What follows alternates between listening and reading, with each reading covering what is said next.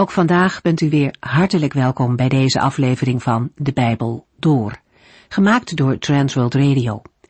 Voor meer informatie kijkt u dan op onze website transworldradio.nl.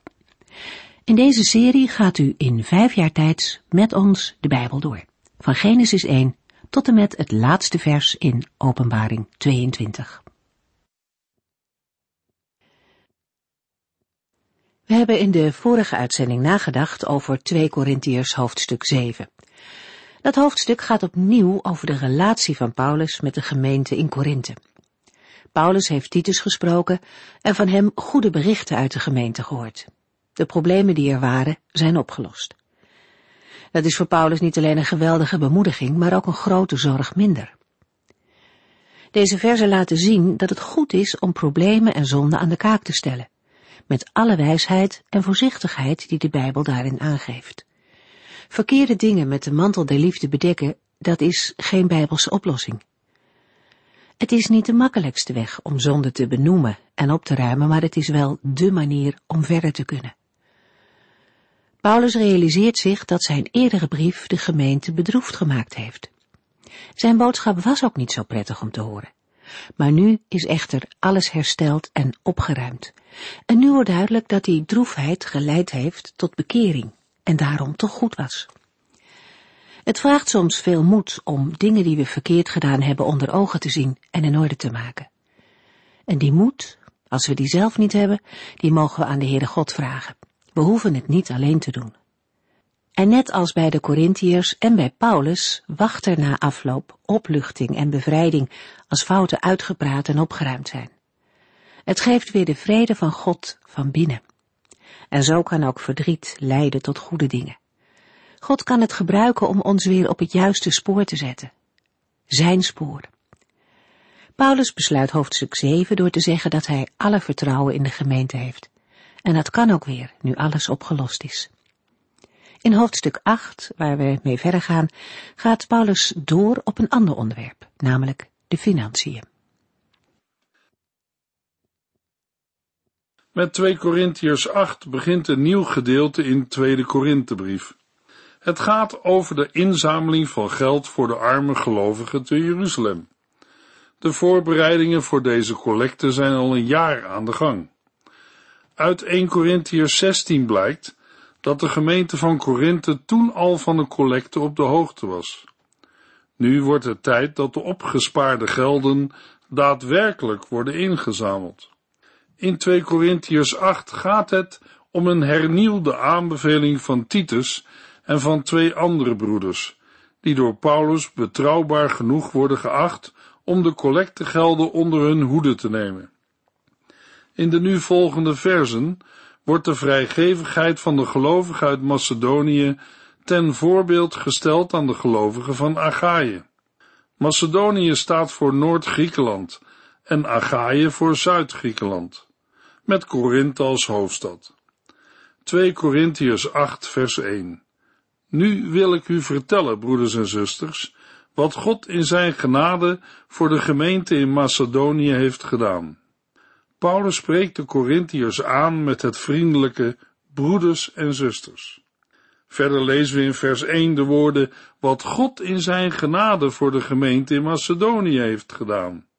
Daarmee herleidt de apostel de bereidheid om te geven tot genade, een onverdiende gunst, die door de Heere is gegeven. Alleen de Heere kan een dergelijke vrijgevigheid bewerken. Het mogen deelnemen aan de collecte wordt door de gelovigen van Macedonië dan ook als een genade en als een voorrecht gezien. De ontvangen genade blijkt concreet uit de genade die een gelovige zelf doorgeeft. Het is dan ook duidelijk dat de apostel Paulus met dit voorbeeld een oproep doet aan de Corinthiërs, om door hun vrijgevigheid te laten zien hoeveel genade zij zelf van de Heere hebben ontvangen.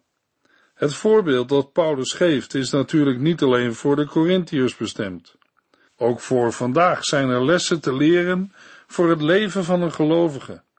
Ik vertelde al dat in 2 Corinthiërs 8 en 9 het onderwerp in de brief van Paulus verandert. In de voorgaande zeven hoofdstukken heeft de apostel gesproken over de troost van de Here. Nu verandert het onderwerp van christelijk leven naar christelijk geven, wat even wezenlijk is als christelijk leven. Het hoort bij elkaar. De komende twee hoofdstukken geven een voorbeeld, een aansporing, een uitleg en een aanmoediging tot een geven naar Gods wil. 2 Korintiërs 8 en 9 geven een gelovige het meest uitgebreide en complete onderwijs over christelijk geven in de Bijbel. In feite is alles wat een gelovige moet weten over geven hier aanwezig. Het zijn geen regels, maar wel heldere principes voor een christelijke manier van geven. Deze opmerking kan sommige luisteraars misschien vreemd in de oren klinken. Iemand zou kunnen zeggen, ik dacht dat een christen zijn of haar tiende moet geven. Zeker, het geven van tiende is een goede richtlijn, maar geen wet van mede en persen. Daarbij moeten we ook bedenken dat het geven van een tiende onder Israël eerder een minimum dan een maximum was. Gemiddeld gaven Israëlieten veel meer dan tiende aan de Heere. Wat Paulus nu in 2 Korintiërs laat zien aan gelovigen met betrekking tot geven, is niet de richtlijn van de tiende, maar van ontvangen genade. Het is een genade van de Heer om te kunnen en te mogen geven. Dat is ook wat de apostel nu tegen de Korintiërs zegt. Wij maken jullie bekend wat de genade van God in de gemeenten van Macedonië aan vrijgevigheid heeft bewerkt. In Filippenzen 2 vers 13 en 14 schrijft de apostel aan de gelovigen in de stad Filippi, God is onder u aan het werk. Hij zorgt ervoor dat u hem graag wilt gehoorzamen en dat u ook doet wat hij van u vraagt. Zo bereikt hij zijn doel. Doe alles zonder mopperen en zonder ruzie, zodat niemand een kwaad woord van u kan zeggen. De Heer is ook zeker blij met kleine bedragen. Ieder geeft naar draagkracht.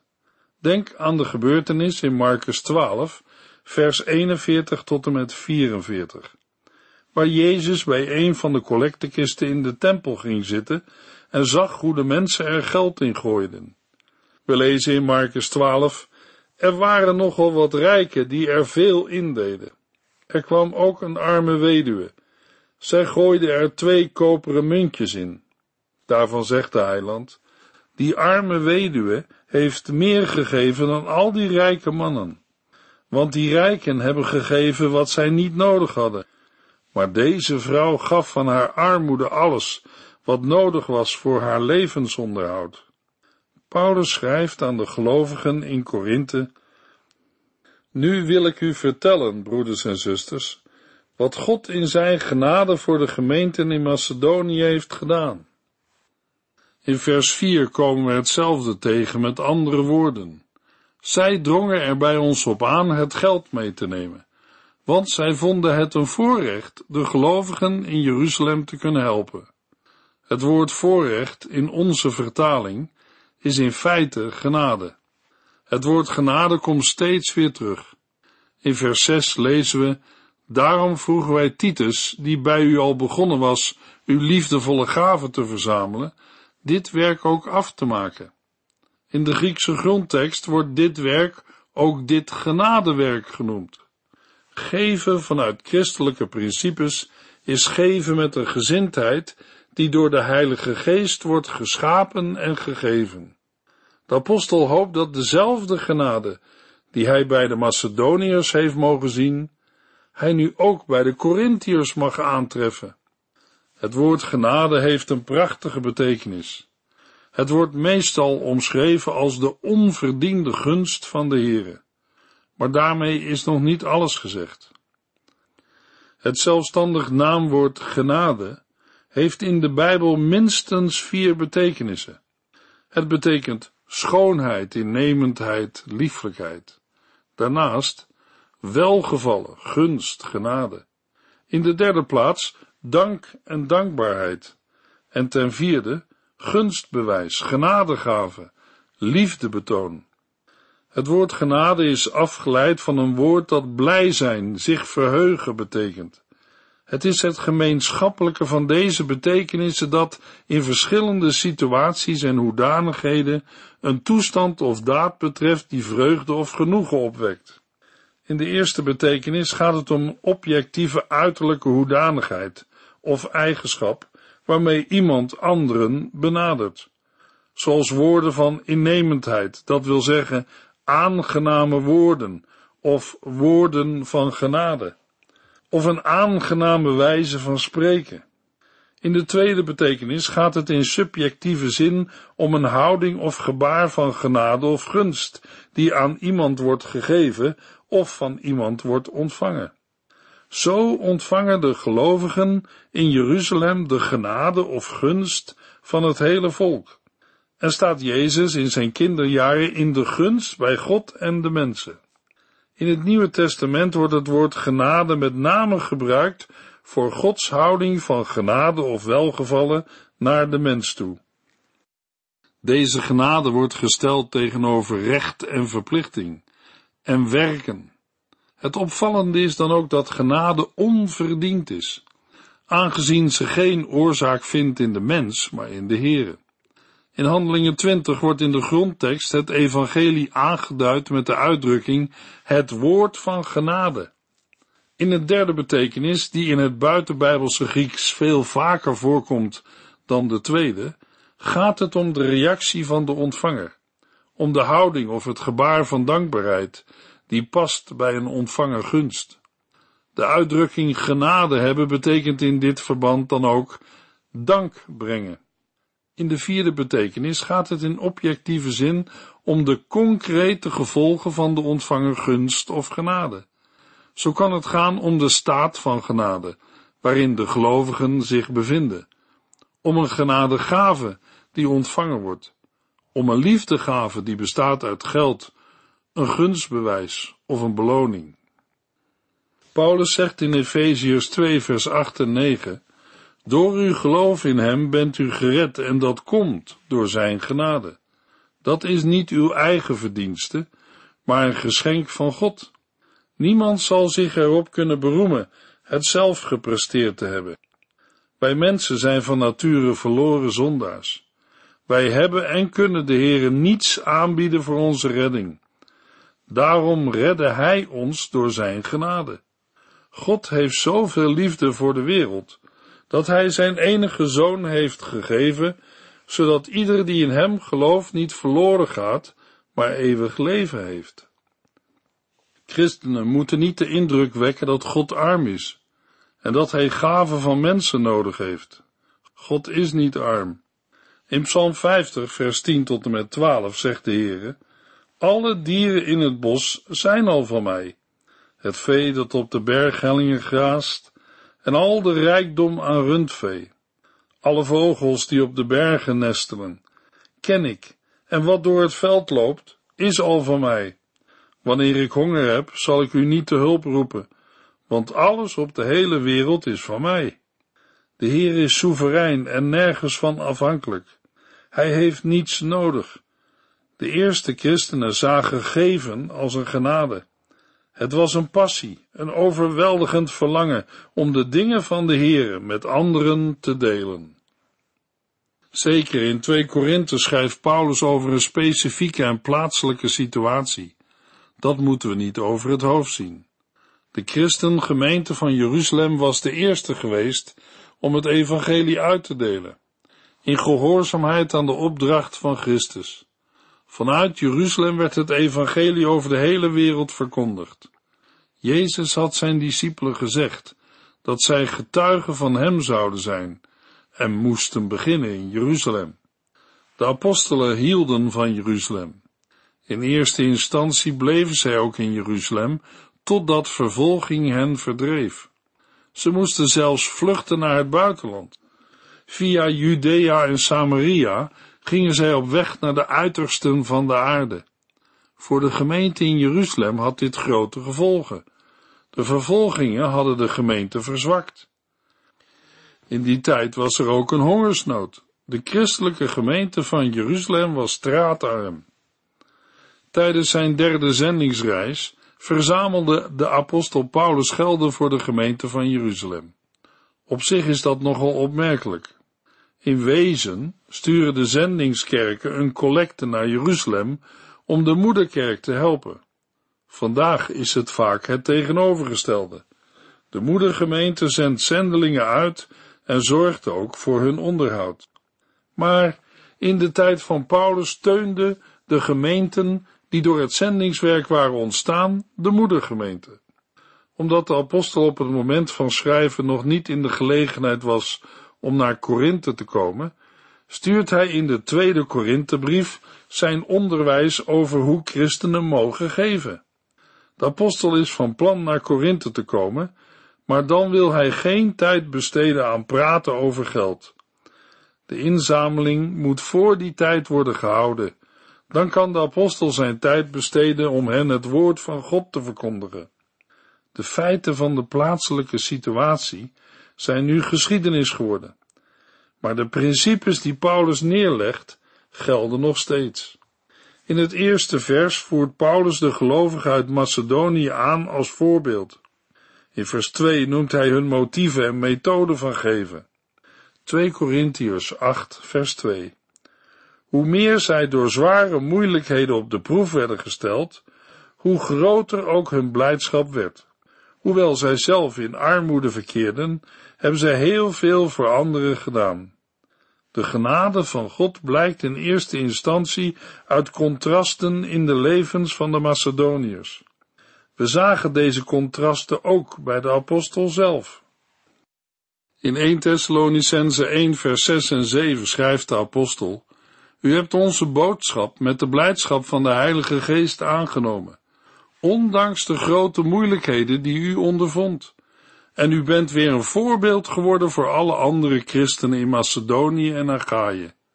Dat bij de Corinthiërs, ondanks de moeilijkheden, hun blijdschap groter werd, is alleen te verklaren uit Gods genade en de bijstand van de Heilige Geest. De Macedoniërs werden niet alleen in verdrukkingen beproefd, maar zij doorstonden deze beproevingen ook. Over de beproevingen zelf weten we niet veel. Paulus bemoedigde in Macedonië wonende Filippenzen en Thessalonicenzen met de gedachte dat geloof in de Heer Jezus en lijden bij elkaar horen. Hij vermeldt bovendien dat de verdrukking vooral van de kant van de niet-Joden kwam. Zelf is Paulus in Macedonië behalve door de Joden ook door de Romeinse overheid vervolgd. En in 2 Korintiërs 7 vers 5 wordt gesuggereerd dat Paulus tot op dit moment in Macedonië bepaalde vormen van verdrukking ondervindt. Het tweede contrast is dat hoewel zij zelf in armoede verkeerden, zij heel veel voor anderen hebben gedaan. De Macedoniërs gaven vanuit hun armoede. Zij hadden geen rijkdommen en gaven niet van hun spaargeld of overvloed, zij gaven van hun armoede. 2 Korintiërs 8 vers 3 en 4 Ze gaven meer weg dan ze konden missen. En ik kan getuigen dat ze het niet deden omdat wij het vroegen, maar omdat ze het zelf wilden. Zij drongen er bij ons op aan het geld mee te nemen, want zij vonden het een voorrecht de gelovigen in Jeruzalem te kunnen helpen. De goddelijke genade over de gelovigen van Macedonië blijkt vooral uit hun offervaardigheid. Paulus getuigt ervan tegenover de Corinthiërs. Zij gaven meer weg dan ze konden missen. Vervolgens blijkt Gods genade uit hun spontaniteit, zelf gekozen, zodat zij zelf aandrongen te mogen meedoen aan de collecte. Dit initiatief om een bijdrage te leveren aan de geldinzameling voor de gelovigen van Jeruzalem ging geheel van de gelovigen in Korinthe uit. De gave die ze verzameld hadden was een genade. Het was gemeenschap, wat betekent dat het een delen was van de dingen van Christus. Het is prachtig om aan zending te geven, maar wij moeten de mensen in onze eigen gemeente of kerk die in nood verkeren niet vergeten. Kijk eens goed rond in uw gemeente. Mogelijk kunt u nog iets voor een ander betekenen. De Macedoniërs hebben Paulus de genade gevraagd om te mogen deelnemen aan een collecte, die ook in Galatië werd georganiseerd. 2 Korintiërs 8 vers 5 Wat zij deden, ging onze verwachtingen ver te boven. Zij gaven zichzelf, eerst aan de Here en, omdat God het wilde, ook aan ons. Naar de mens gesproken kon Paulus van de offervaardigheid van de vervolgde en verarmde Macedoniërs niet al te hoge verwachtingen hebben.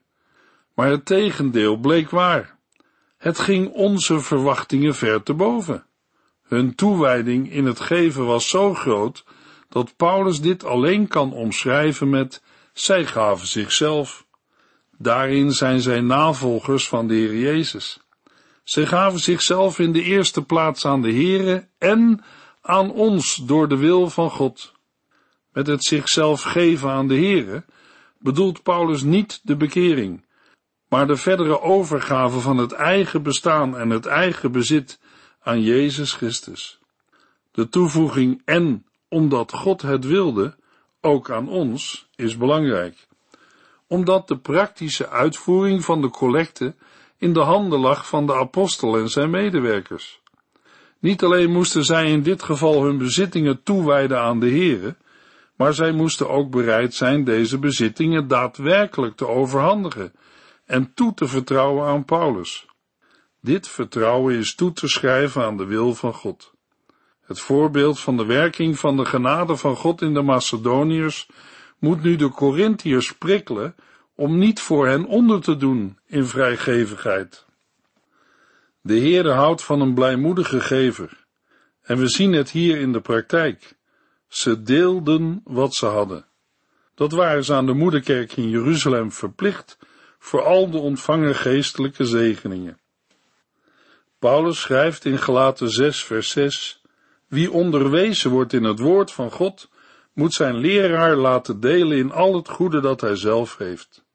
Dat betekent daar waar u een geestelijke zegen ontvangt, heeft u ook een financiële verantwoordelijkheid. Ik kan voor u niet bepalen of de financiële ondersteuning aan uw gemeente of kerk na dit onderwijs van de apostel bijstelling nodig heeft. Het is wel goed om ermee in gebed naar de Here te gaan. 2 Korintiërs 8 vers 6 Daarom vroegen wij Titus, die bij u al begonnen was uw liefdevolle gaven te verzamelen, dit werk ook af te maken. Het voorbeeld van de Macedoniërs heeft tot gevolg dat Paulus nu ook de inzameling in Korinthe tot een goed einde wil brengen en Titus de opdracht geeft opnieuw naar Korinthe te reizen. Ook bij de Corinthiërs is het zeker Gods wil dat ze aan de collecte voor Jeruzalem bijdragen. Vers 6 functioneert ook als een aanbeveling voor Titus en de beide broeders die hij bij zich heeft. Paulus zelf had de collecte voor de gemeente van Jeruzalem al eerder aangekondigd en hij had in 1 Corinthiërs 16 al praktische aanwijzingen gegeven voor de uitvoering. De Corinthiërs hebben zodoende al een jaar eerder een begin gemaakt met het opzij leggen van geld. Kennelijk heeft Titus tijdens zijn eerste bezoek aan Korinthe ook over de collecte en haar voorbereidingen gesproken. Nu wordt hij opnieuw naar Korinthe gestuurd om het werk ook af te maken. Dat wil zeggen, om ervoor te zorgen dat de opzij gelegde bedragen daadwerkelijk worden afgedragen. Dat Titus ook deze genade tot een goed eind moet brengen, kan verband houden met zijn eerdere opdracht betreffende het brengen van de tranenbrief. Paulus zegt dat de genade die de Macedoniërs motiveerde, ook de Corinthiërs hoort te motiveren. De echte toets voor iedere gelovige ligt in wat hij of zij geeft. Geven is een deel van onze aanbidding van de Heere. Als we niet de genade van het geven hebben, horen we de Heer erom te bidden. 2 Korintiërs 8 vers 7 In alle opzichten bent u een voorbeeld. In geloof, in spreken en kennis, in enthousiasme en liefde voor ons. Blink dan ook uit in vrijgevigheid. Paulus prijst de Korintiërs. Ze hebben een overvloed aan geloof. Ze zijn in staat te getuigen. Ze hebben kennis en inzet. En ze hebben liefde voor Paulus en de andere apostelen. Nu vraagt hij hen om uit te blinken in vrijgevigheid. De opdracht aan Titus wordt gevolgd door een prikkelende aansporing aan het adres van de Corinthiërs. De apostel prikkelt het eergevoel van de Corinthiërs, In alle opzichten bent u een voorbeeld. In geloof, in spreken en kennis, in enthousiasme en liefde voor ons. De woorden herinneren aan 1 Corinthiërs 1 vers 5. Met geloof bedoelt Paulus niet het reddende geloof in Christus, maar de speciale gave van geloof, waardoor wonderen worden bewerkt. In spreken staat hier voor de juiste prediking.